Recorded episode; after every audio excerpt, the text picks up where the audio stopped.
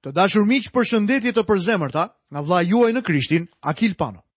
Ju uroj mirëseardhje në emisionin e sotëm, emision në të cilin do të vazhdojmë studimin tonë nga fjala e Perëndisë, Bibla.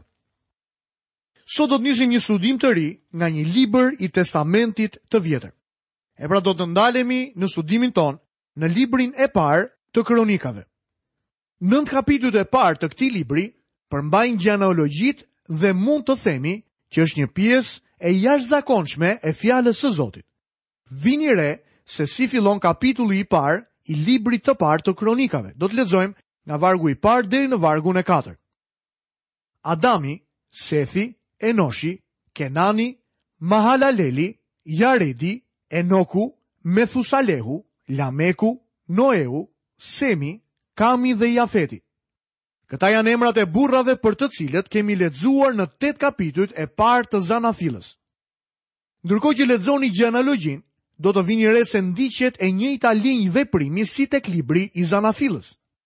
Kjo do të thotë që në fillim përmenden linjat e përjashtuara dhe pastaj jepet linja që do të ndiqet përgjatë shkrimit për të vazhduar deri tek Zoti Jezu Krisht.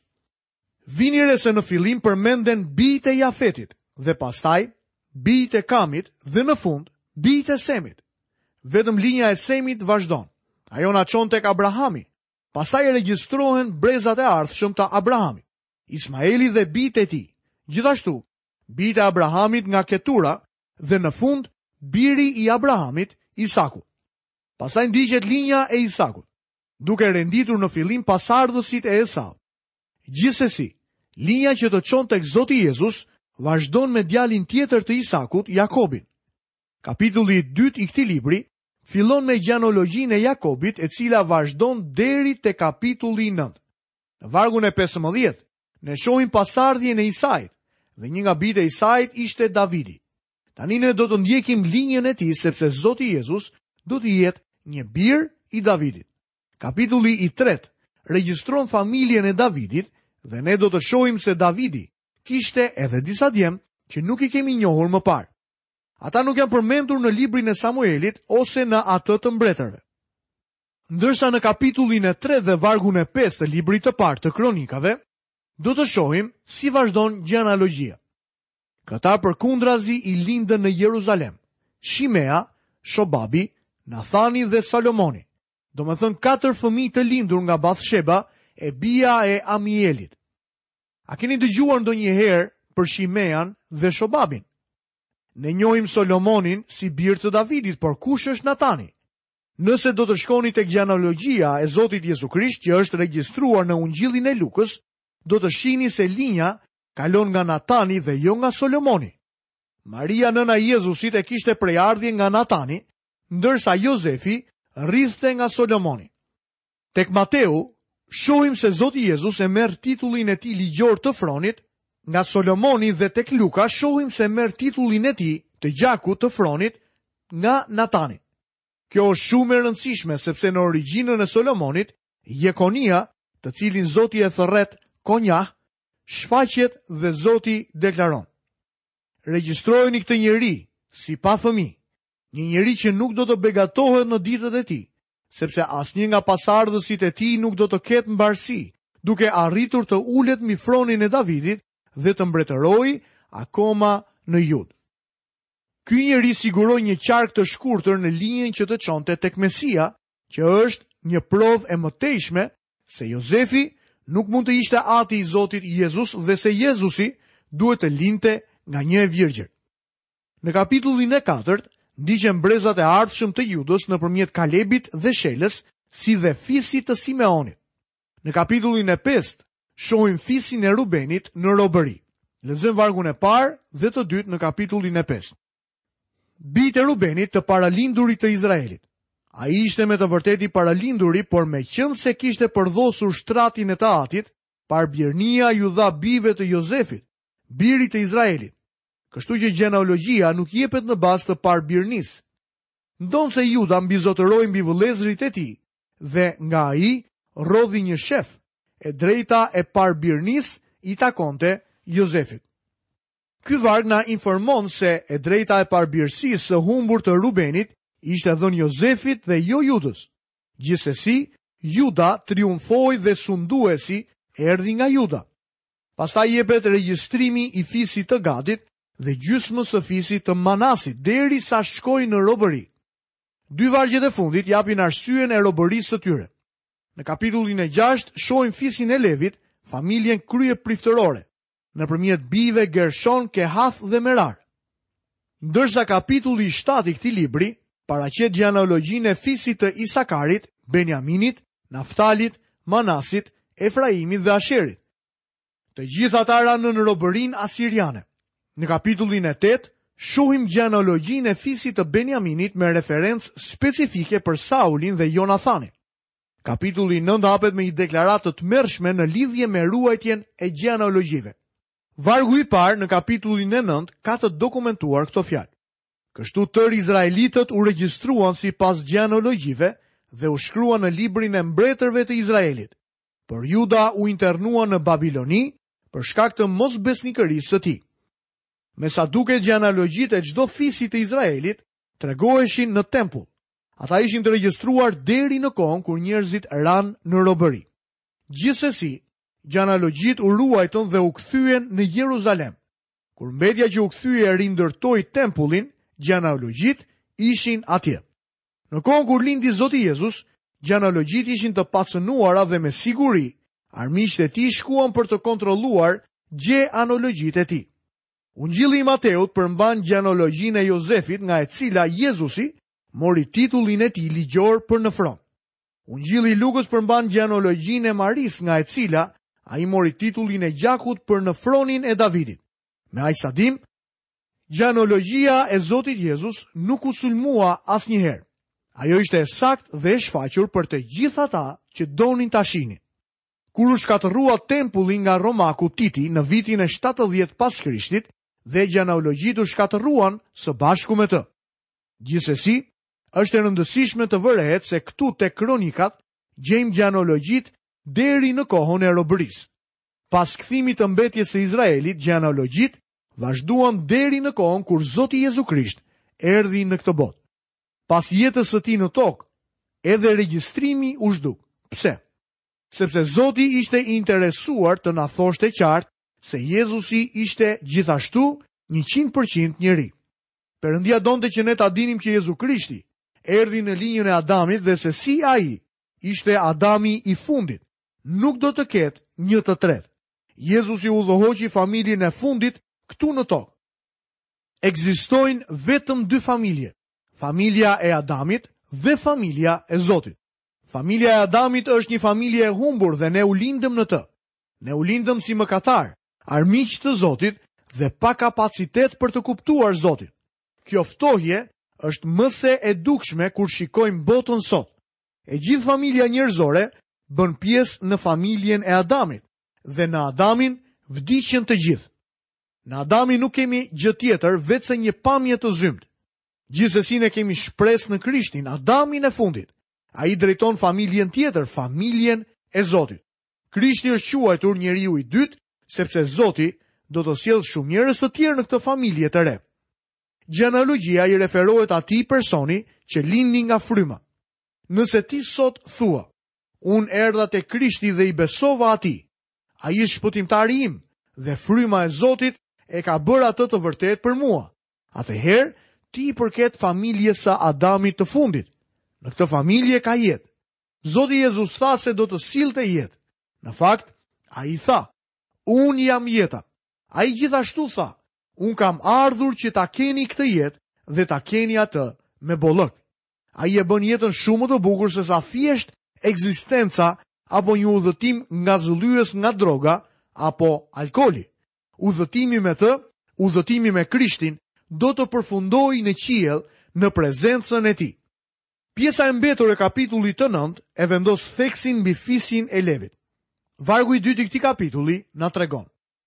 Tani banorët e parë që u vendosën rishtas në pronat e tyre, në qytetet e tyre, ishin izraelitët priftërinj, levitë dhe nethinej.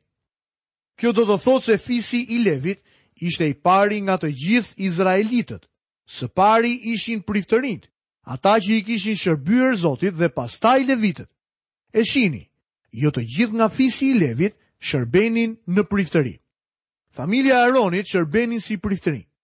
Të tjerët ishin pak a shumë roje të tempullit. Këtu përmenden edhe Nethinejtë. Fjala Nethinej do të thotë shërbëtorë. Ata mund të ishin skllevër. Gjithmonë ka ekzistuar një pyetje nëse Izraeli kishte apo nuk kishte skllevër. Unë mendoj se ata kishin, por jo nga vëllezërit e tyre. Në fakt, ja se për çfarë shërbenin gibeonitët. Ata përdoreshin për shërbimin në tempull. Me shumë mundësi, fshinin vendin, pastronin enët prej bronzi dhe gjëra të tilla. Më lejoni t'ju lexoj edhe një varg tjetër interesant nga kapitulli i 9. Këta ishin këngëtarë të parë të shtëpive atërore të levitëve, që banonin në dhomat e tempullit. Ata ishin të përjashtuar nga çdo shërbim tjetër, sepse ishin të zënë ditë e natë me punën e tyre. Levitët drejtonin shumë këngë. Nëse do të isha izraelit, do të dija me siguri që nuk i përkisja fisit të Levit sepse nuk di të këndoj mirë. Në Izrael muzika ishte shumë e zhvilluar. Ju mund të mbani mend se Davidi, për shembull, ishte shumë i interesuar për muzikën. Në fakt ai u quajt psalmisti i ëmbël i Izraelit dhe shumica e psalmeve erdhën nga pena e tij. Kapitulli vazhdon me gjenealogjinë e familjes së Saulit. Ajo ndjek Saulin dhe birin e tij Jonathan, gjë që është mjaft tërheqëse. Kapitulli i nëntë i librit të parë të Kronikave mbyllet me gjenealogjinë e Kronikave. Kjo është gjenealogjia më e gjatë në shkrim dhe nuk ka të dytë si ajo në letërsinë apo historinë e botës. Ajo fillon me Adamin dhe shkon deri tek Jezu Krishti. Ajo fillon me Adamin e parë dhe shkon deri tek Adami i fundit. Ajo është tabela gjenealogjike më e gjatë që ekziston. Ajo na tregon se të gjithë ne i përkasim të njëjtës familje. Sigurisht që sot askush nuk mund t'i referohet gjenealogjisë së tij sipas linjës së Adamit, sepse në kohën e Titit, gjenealogjitë u shkatërruan dhe u dogjën në tempull në vitin e 70 pas Krishtit. Gjithsesi, ne mund të tregojmë rrugën e përgjithshme se si ne erdhëm nga Adami. Shumë prej nesh vijnë nga Jafeti, shumë të tjerë nga Kami dhe shumë nga Semi. Por të gjithë ne rrjedhim nga Adami. Është interesante dhe e rëndësishme të vësh re shkëlqimin e gjenealogjive të regjistruara këtu në librin e kronikave. Për shembull, Kaini dhe familja e tij nuk përmenden fare. A nuk kishte Adami një djalë që e quanin Kain? Po, por ai nuk është renditur këtu sepse linja e tij përfundoi. Ajo linjë u shkatërrua në përmbytjen e regjistruar tek Libri i Zanafillës, kapitulli 7. Mendoj se në të gjitha tabelat gjenealogjike ka persona që janë lënë jashtë. Kjo mund të hedhë dritë në pyetjen e rëndësishme të moshës së njeriut. Sa i vjetër është njerëzimi? Mendimi im personal është se njerëzimi është më i vjetër se 6000 vjet. Mendoj se ai ka qenë në këtë tokë për shumë kohë. Gjithsesi, filloi kur Zoti e krijoi Adamin si njeri sipas imazhit të tij.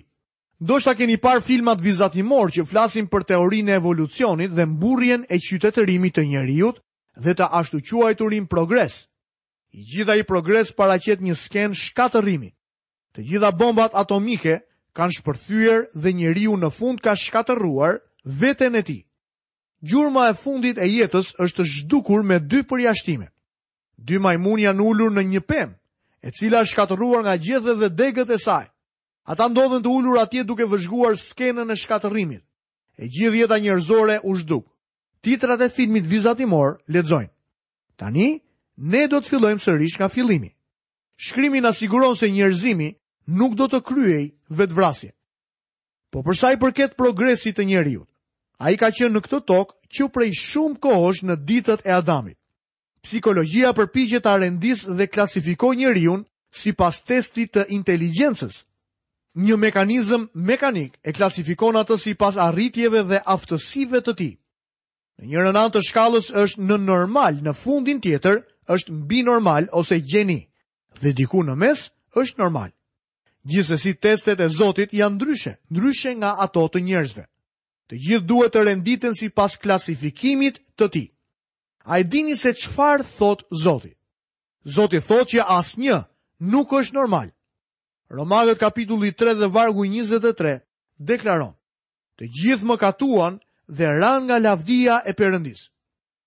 Ekzistojnë tre fakte universale në marrëdhënie me njeriun, të cilat janë të vërteta pa përjashtim. Së pari, Adami dhe të gjithë fëmijët e tij duhet të vdesin. Në fillim Perëndia i tha Adamit, sepse ditën që do të hash prej saj, ke për të vdekur me siguri. Gjithsesi Zoti nuk e krijoi njeriun të vdesë. Shkrimi na thotë se me anë të njërit erdhi vdekja dhe vdekja u shtri tek të gjithë njerëzit. Gjithashtu thuhet, të gjithë vdesin në Adamin. Është caktuar që njerëzit të vdesin vetëm një herë. Kjo tokë ku ne jetojmë nuk është gjë tjetër veçse një varrezë e madhe.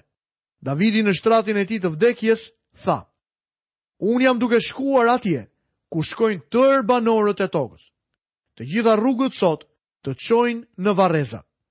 Edhe sikur të ecja në luginën e hijes së vdekjes. Ky varg i këtij psalmi pasqyron njeriun që jeton në këtë tokë, si një përbindësh vdekja e mbështjell këtë tokë. Ekzistojnë tre lloj vdekjesh: vdekje fizike, vdekje shpirtërore dhe vdekje e përjetshme. Adami vdiq fizikisht vetëm kur ishte nëntëqind vjeç dhe pasi kishte ngrënë frutin e ndaluar, por vdiq shpirtërisht menjëherë në momentin kur mëkatoi. Vdekje do të thotë ndarje. Vdekja fizike është ndarja e shpirtit nga trupi. Vdekja shpirtërore është ndarja e njeriut nga Perëndia. Vdekja e përjetshme është ndarja nga Zoti përjetësisht, Ja pra cili do të jetë ferri, një vend ku Perëndia nuk shkon kurrë. Atje nuk do të ketë bekime, mëshirë apo dashuri të Zotit. Së dyti, një fakt tjetër universal është se Adami dhe të gjithë fëmijët e tij janë mëkatarë. Perëndia thotë për ne, të gjithë mëkatuan. Prova e kësaj deklarate është se të gjithë vdiqën në Adamin, të gjithë vdesin. Të gjithë mëkatuan në Adamin. Abrahami ishte një njeri i mirë, por Abrahami mëkatoi. Ismaeli ishte prova për këtë. Kalebi ishte një njeri i mirë dhe i jashtëzakonshëm, por ai kishte konkubinat e tij. Mëkati e largon njeriun bashkëkohor nga Zoti. Ai ndodhet në një rebelim të hapur ndaj Zotit. Njeriu është larguar nga prezenca e Perëndisë si Kaini. Kapitulli pesëdhjetë e nëntë i profetit Isaia është një kapitull që duhet ta lexojë gjithkush. Më lejoni të citoj vetëm një varg. Por paudhësitë tuaja kanë shkaktuar një ndarje midis jush dhe Perëndisë tuaj, dhe mëkatet tuaja kanë bërë të fshihet fytyra e tij prej jush, që të mos ju dëgjojë më. Adami dhe fëmijët e tij janë mëkatarë, ata janë ndarë nga Perëndia. Mëkati është një kamzhik, një sëmundje, një plagë që ka infektuar racën njerëzore. Miku im, gjendja e zemrës është e keqe, por vetëm pak nga familja njerëzore shqetësohen për këtë. Kanceri është i tmerrshëm. E di këtë nga përvoja e individëve të ndryshëm, por vetëm një përqindje e vogël ka kancer. Gjithsesi, të gjithë kanë mëkatuar. Sigurisht, këtu kemi një përjashtim të madh. Zoti Jezu Krisht nuk kishte pse të vdiste, sepse Ai nuk mëkatoi. Ai sfidoi armiqtë e Tij duke thënë, Cili nga ju më bind për mëkat? Askush nuk tha asnjë fjalë. Ai tha, Askush nuk mund të ma heqë, por e lë nga vetë nga vetja. Unë kam pushtet ta lë e ta marr përsëri. Zoti Jezus është një përjashtim në përgjithshmërinë e mëkatit. Ai është i vetmi përjashtim. Të gjithë ne të tjerët kemi mëkatuar. Fakti i tretë universal është se Adami dhe të gjithë fëmijët e tij fituan mëshirë. Enoku u shpëtua. Si? Me anë të besimit. Noeu ishte një njeri i mirë, por ai nuk u shpëtua për shkak të mirësisë së tij. Me anë të besimit Noeu përgatiti një arkë për shpëtimin e shtëpisë së tij. Abrahami ishte një njeri i mirë, por ai mëkatoi.